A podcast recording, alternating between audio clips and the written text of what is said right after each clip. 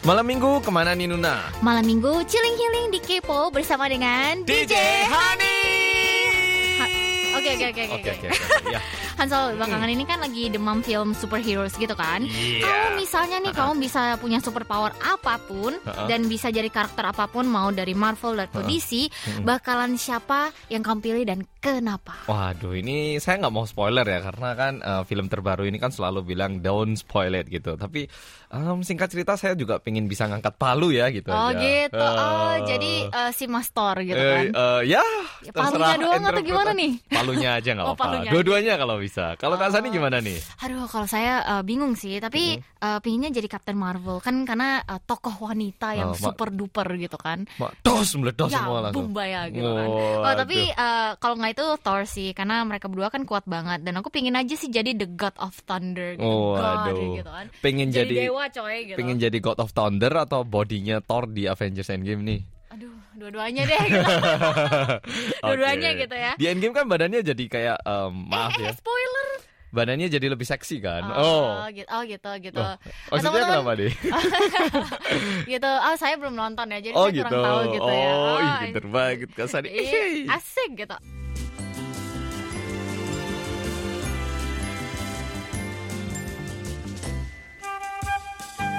Sekarang mari kita beralih ke segmen Dear DJ. Kemarin-kemarin kita sempat posting di Facebook page KBS World Radio Hmm. Indonesian.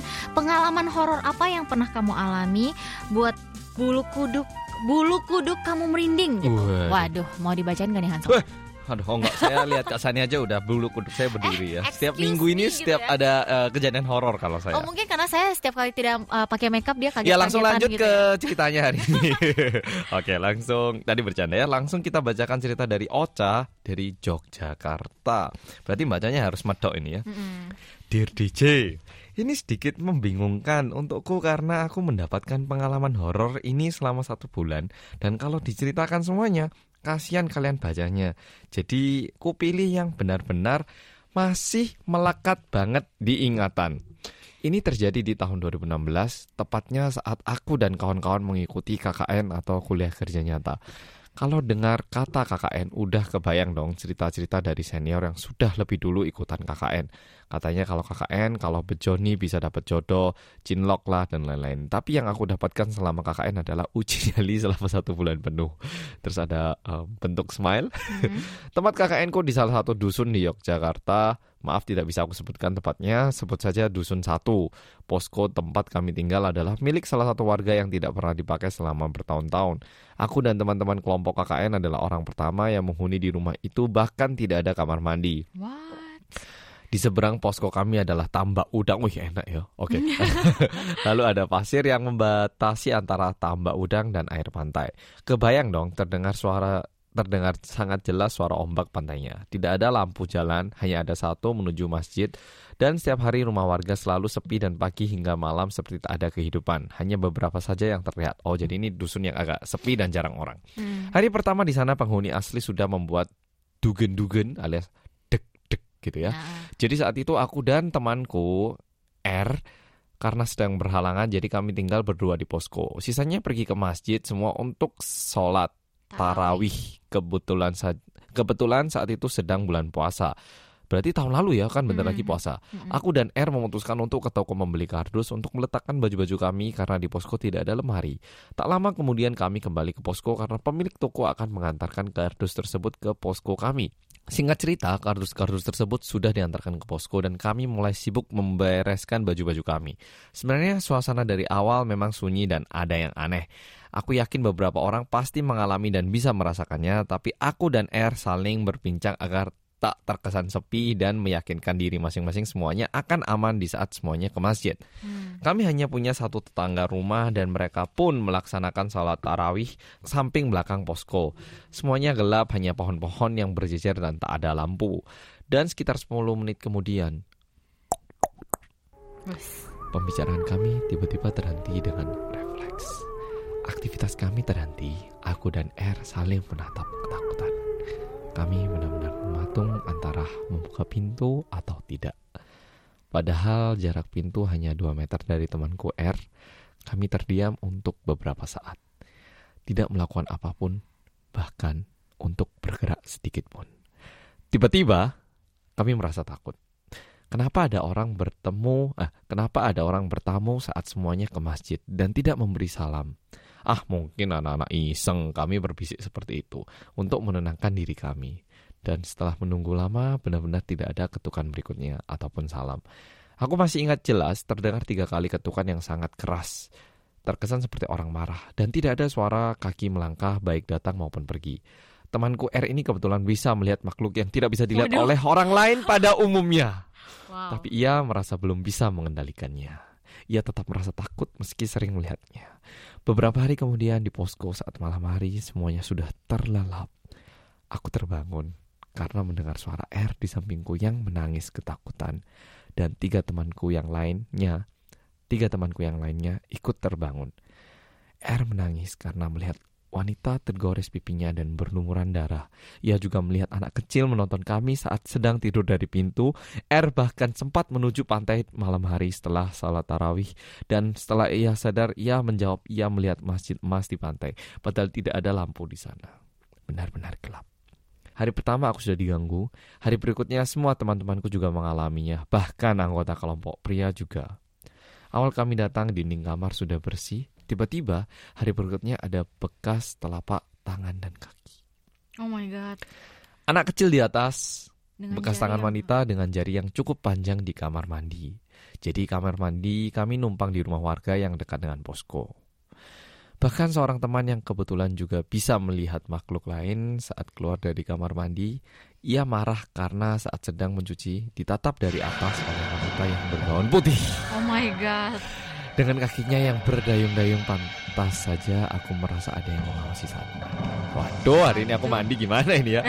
Aduh, ada begitu banyak pengalaman horor di sana. Setelah banyak berbincang dengan warga, ternyata dusun itu memang baru ada sekitar tahun 2006. Jadi baru mulai tahun 2006 ya dusunnya.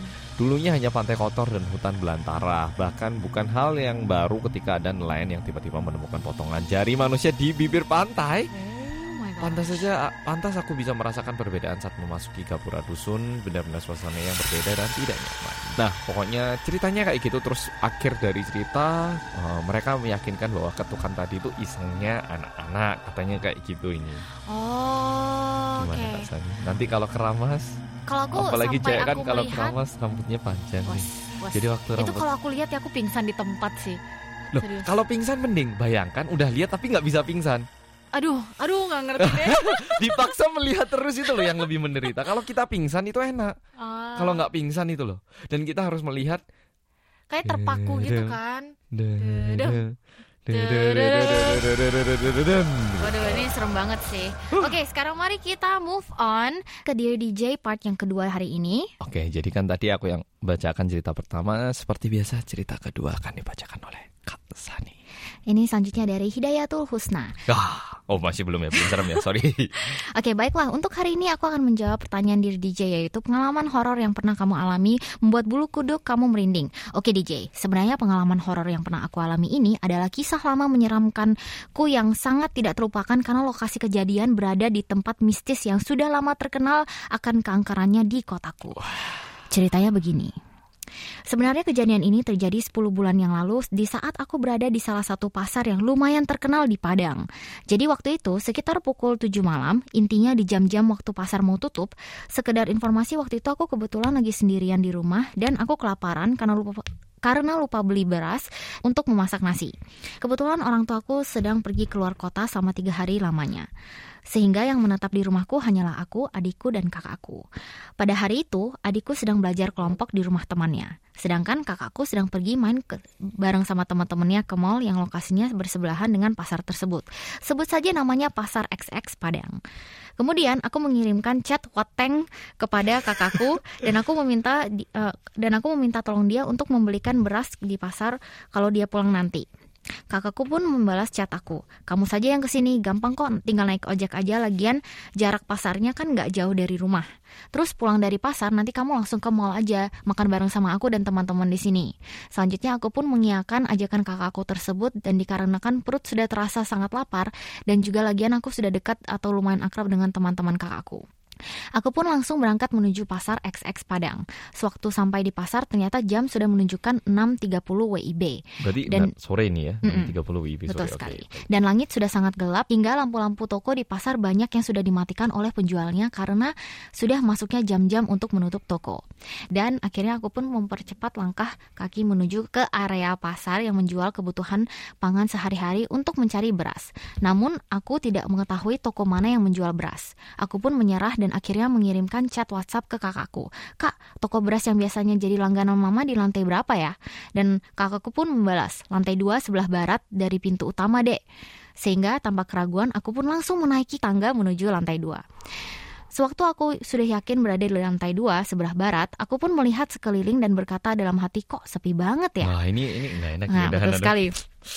Toko-toko sudah banyak yang tutup dan aku pun kebingungan di mana keberadaan toko berasnya. Kemudian pemandanganku teralihkan pada waktu berjalan sedikit ke arah sebuah lorong yang di sampingnya kayak tempat ada tempat toko-toko kecil yang sudah tutup. Di sana aku menemukan seorang cleaning service eh, CS laki-laki yang terlihat sibuk ngepel lantai di ujung lorong dan akhirnya aku mendekatkan diri menuju CS itu Aduh. untuk menanyakan di Jangan. mana keberadaan toko berasnya. Selanjutnya, sewaktu aku sudah berada di dekat CS itu, aku langsung saja bertanya, Mas, toko beras di sini sebelah mana? Entah kenapa pada sewaktu bicara mata aku langsung refleks menuju ke arah kaki si CS ini. Alhasil aku tidak menemukan kakinya guys. Kedua kakinya cuman sampai lutut aja dan tidak ada lanjutannya. Ya benar sekali melayang gitu. Akhirnya aku otomatis langsung balik badan dan tidak jadi menanyakan ke, tentang toko beras ke si CS itu. Beruntungnya si CS belum melihatku dan masih sibuk ngepel-ngepel lantai. Aku hanya berjalan cepat dan tidak mau lari karena takut nanti malah dikejar dan masih belum berani melihat ke arah CS. Eh. Sewaktu sewaktu aku sampai di depan toko kecil yang masih buka, baru aku membera- memberanikan diri untuk melihat ke arah si CS dan CS-nya perlahan-lahan melihat ke arahku juga dan melihat kayak ala-ala film horor gitu. Kemudian hal yang sangat mengejutkan terjadi. Si CS ini tiba-tiba pupil bola matanya menjadi warna hitam dan langsung membesar menutupi bagian bola matanya yang berwarna putih. Sehingga secara keseluruhan sekarang matanya full jadi hitam dan matanya pun tampak semakin besar ke bawah hingga akhirnya aku langsung saja aku otomatis berjalan cepat menuruni tangga kemudian seket- ketika aku memberanikan diri melihat lagi ke arah lorong ternyata si CS sudah menghilang pergi entah ke mana Ketika berada di lantai satu, aku langsung saja bergegas untuk menuju masuk ke arah dalam mall yang berada di sebelah pasar dan segera bertemu dengan kakakku yang sedang bermain bersama teman-temannya. Aku pun menceritakan semua kronologi kejadian yang kualami di pasar tadi ke kakakku dan teman-temannya. Dan salah satu teman kakakku mengatakan, emang bener kok dek, bukan kamu aja yang pertama mengalami eh, kejadian horor ini. Aku juga sering mendengar lelaki CS itu gitu. Tapi dia tidak hanya menyamar sebagai CS aja, tapi juga pernah menyamar sebagai security, penjaga toko dan lainnya. Waduh. Lalu masih beruntung dia belum menjawab pertanyaan kamu karena bisa-bisa kamu tersesat gitu. Hmm. Karena dulu pernah ada yang menjadi korban dia dan disesatkan olehnya. Aduh. Wah ini benar-benar serem banget ya. Nggak, aku membayangkan gini loh. Misalnya nih, em, siapa sih yang kirimkan? Bentar, bentar. Eh, Hidayatul ya. mm-mm. Nah, aku membayangkan gini. Misalkan eh, Hidayatul Husna itu tidak sempat melihat kakinya. Terus kan dipanggil nggak noleh kan. Terus diketuk nih pundaknya. Mas, mas, mas gitu. Terus terus masnya kan bakal noleh gitu. Terus setelah noleh baru uh kok. Eh, tapi aku ada loh ini cerita ini juga apa namanya Oh. waktu di UGM. Jadi di bagian selasar eh, gedung main gitu. Anak-anak UGM Eh, eh, dengarkan baik-baik. Ini ini ini yang yang benar-benar ini sih yang Fakta. sangat eh, sangat ikonik gitu kan. Jadi ada eh, bapak-bapak security juga gitu. Mm. Terus eh, ada dua teman, dia lagi studi gitu kan bareng gitu kan. Terus yang satu lihat dideketin bapaknya gitu kan sapam. Terus habis itu, "Hey, gimana deh? bla bla bla apa kabar?" gitu kan sama ngobrol gitu. Terus habis itu sambil ngobrol kasihkan terus si si cowok ini ini jatuhin pensil gitu kan. Terus dia sambil ngambil pensil di bawah, dia nyadar kalau bapaknya ini ngambang kakinya gitu kan. Terus lucunya gini, Pak kok nggak ada kakinya? Bukan, gitu? dia bangun, eh dia ngambil, terus dia kayak, eh eh bentar ya, dia kasih tau temennya, eh bentar ya bro, ah gue kayak ada yang ketinggalan nih di rumah, terus dia pulang dong gitu kan, terus habis itu si temennya pas udah pulang udah pergi gitu kan, dia message nih ke temennya yang lagi satu eh gila lu bahaya men gitu lu mesti lihat bawahnya pokoknya lu harus lari sekarang Uh. gitu kan terus temennya lagi ngobrol-ngobrol sama bapaknya asik gitu kan Berdua? iya ber- Oh, berdua kan ditinggalnya sama Ih, temennya Jahat banget tuh temannya. Iya terus eh sumpah lu lihat kakinya pura-pura jatuhin uh, pensil gitu. Akhirnya dijatuhin kan. Habis itu dia langsung kayak panik gitu kan. Soalnya nggak ada, beneran, beneran. ini nggak ada gitu. Ini kan eh, ya berdasarkan uh, going around storiesnya gitu kan. Oh, Rumornya gitu ya. Nah, terus habis itu dia bangun gitu kan. Pak saya kayaknya harus pulang nih pak. Udah kemalaman gitu. Bapaknya Terus bapaknya bilang, "Ah, boleh." udah kemalaman atau udah lihat? Gitu. Oh, oh, oh my god. Itu itu kalau aku pingsan di tempat ya guys. Ya begitulah. Jadi ini guys, guys, si Hansel panik beneran nih. Wah. Oh. gitu. Serem banget ya.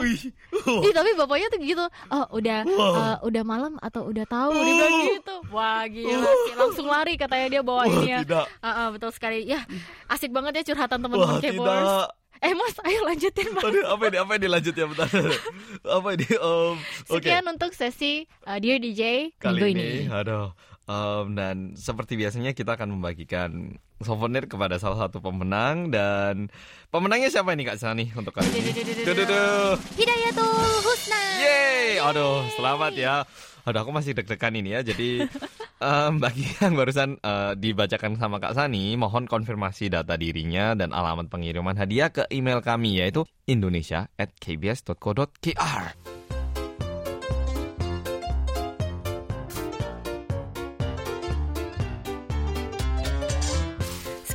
masuk ke segmen teka-teki. Jadi harus didengerin dari awal sampai habis. Betul sekali dan harus didengerin setiap minggu teman-teman K-popers. Jadi nanti pertanyaan untuk teka-teki minggu depan akan kita bacain di program K-pop minggu ini.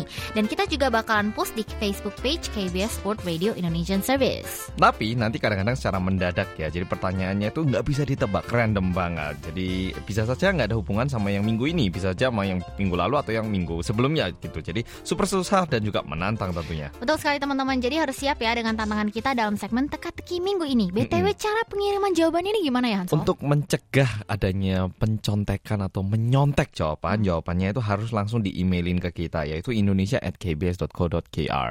Betul sekali teman-teman. Mm-mm, Caranya gampang, banget, ya. Mm-mm. Mm-mm. Jadi eh, Kalau gitu langsung Ya. kita bacakan pertanyaan minggu ini. Kira-kira pendengar Kepo masih ingat nggak pertanyaannya apa?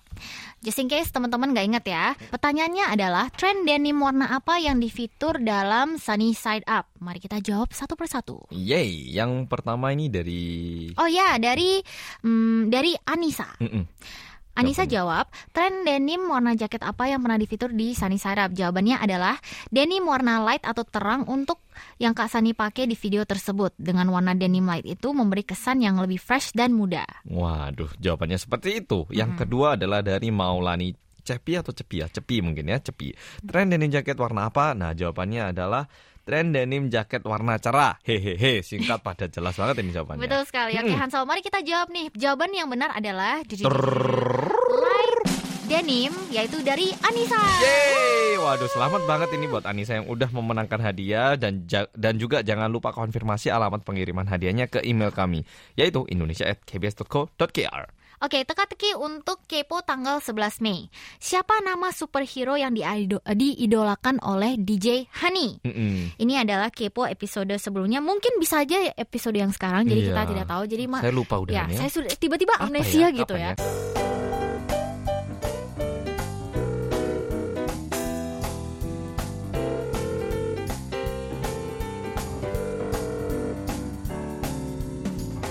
Hani Hani ko. Yoposeo. Hani ko semanis DJ. Honey. Oh my god, kaget. Lagi semangat banget nih saya. Oke. Jadi iya nih, ini adalah segmen gokil yang salah satu segmen yang paling kece, was super kece yaitu Honeycomb. Benar banget. Untuk hari ini kita akan nantangin salah satu pendengar Kipo yang sudah lama mendengarkan program ini. Namanya Solihah Pratiwi. Ada nomor HP-nya. Kita mau tahu nih seberapa sih eh, Solihah ini tahu tentang Korea. Betul sekali. Dan untuk segmen Honeycomb hari ini kita pingin sedikit berbeda dari yang biasanya. Jadi kita akan mengasih kuis ke Solilah mengenai negara dan budaya Korea. Jadi Mm-mm. setiap pertanyaan harus dijawab dalam waktu 10 detik. Mm-mm, ya. Oke, Jadi are we 10 ready? detiknya 10 detik, detiknya kita, ya, Kita bukan timer sater gitu. Jadi Oke, sekarang mari kita telepon Soliha.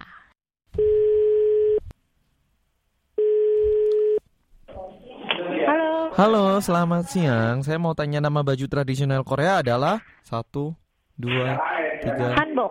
Waduh. Pulau Hanbok. wisata Hanbok. Pulau wisata yang sering didatangi oleh wisatawan di Korea adalah satu, dua, Jeju. tiga. Siapakah nama Jeju. presiden Korea yang sekarang? Satu, dua, tiga, Uh, empat. Moon Jae-in. Oh. Lanjut. Sebutkan tiga nama daerah dan tempat yang sering dikunjungin oleh turis di Seoul.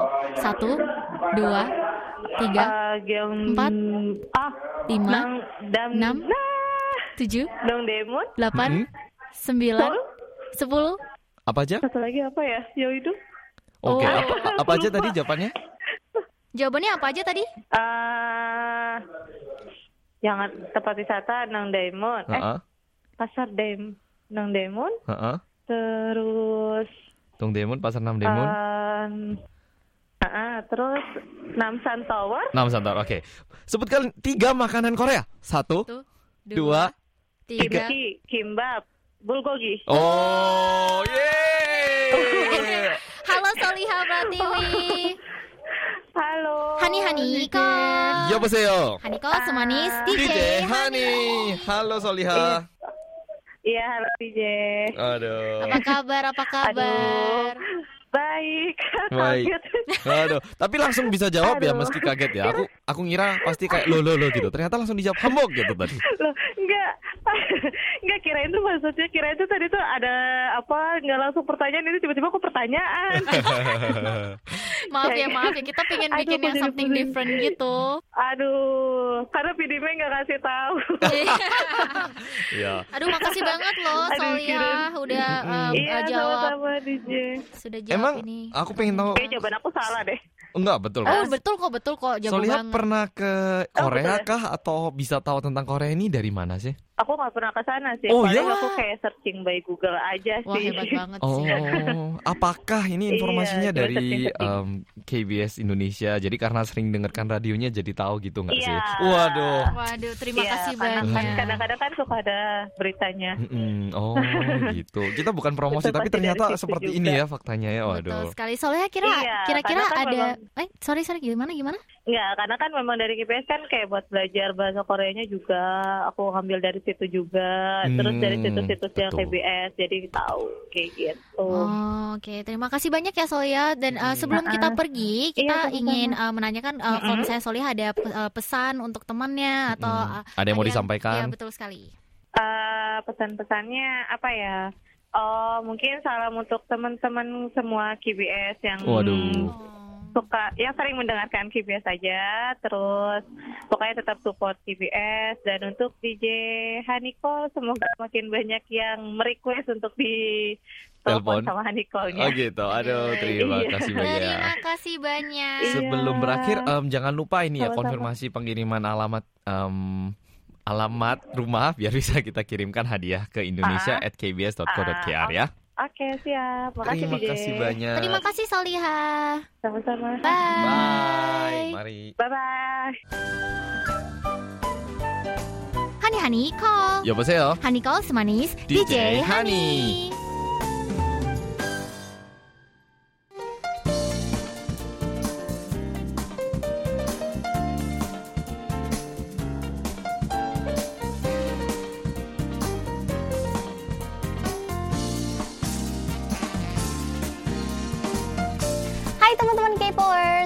Datang di segmen Sunny Side Up di mana kita akan membahas tren fashion dan beauty dan yang lain-lainnya yang lagi ngetren banget di Korea. Hmm, Untuk hari ini apa yang mau dibahas Kak Sani?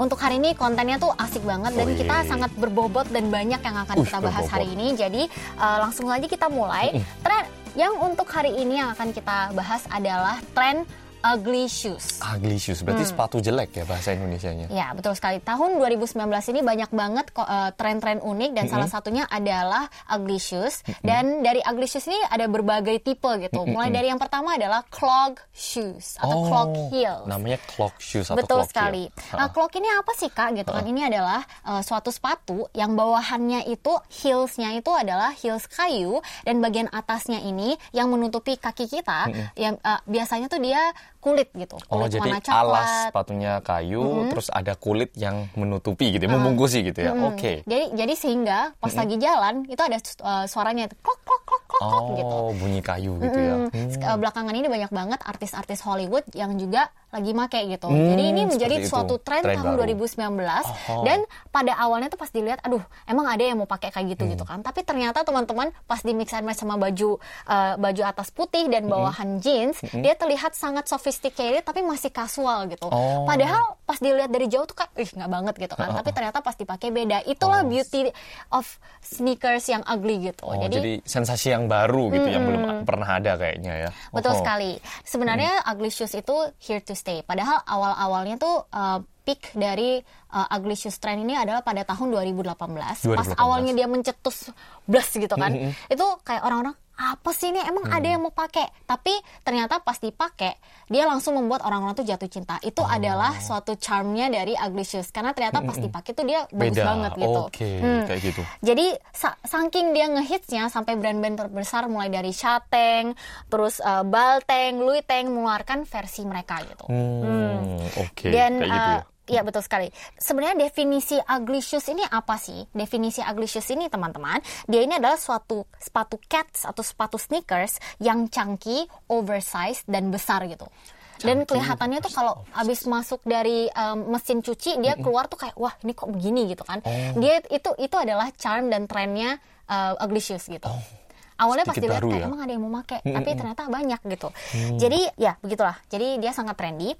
Dan eh, yang terakhir adalah yang terakhir ini em, adalah sepatu cats yang namanya mule sneakers. Mule. Hmm. Mule sneakers ini apa sih? Mule sneakers adalah anggap aja gini sepatu nih sepatu sneakers dipotong jadi setengah.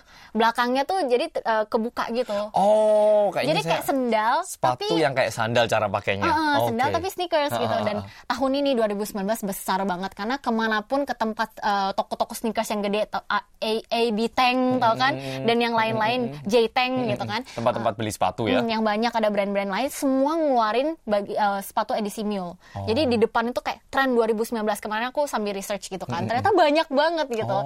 Jadi eh, nggak cuman dia itu sangat gampang dipakai. Kadang kadang kan kalau pakai sneakers harus diikat dulu terus habis itu Benar. dilepas lagi. Tapi ini tinggal dipakai terus tinggal dibuka aja gitu. Oh. Hmm, jadi banyak banget dan ini tuh ngetrennya kenapa? Cewek dan cowok pun bisa pakai gitu. Hmm, dan juga mungkin praktis ya, tapi Sangat tetap praktis. menjaga style. Hmm, betul sekali. Jadi untuk teman-teman cewek yang pengen kasual tapi tetap girly bisa pakai yang mule sneakers. Untuk teman-teman cowok kalau misalnya kalian pengen ke nge-mall dan nggak mau terlihat terlalu kayak dress up pakai sneakers dan segala macam, kalian juga bisa pakai mule sneakers. Oke, seperti itu. gitu. Ya, cukup sudah untuk segmen Sunny Sarap minggu ini. Jangan lupa untuk pantengin uh, Sunny Sarap untuk minggu depan.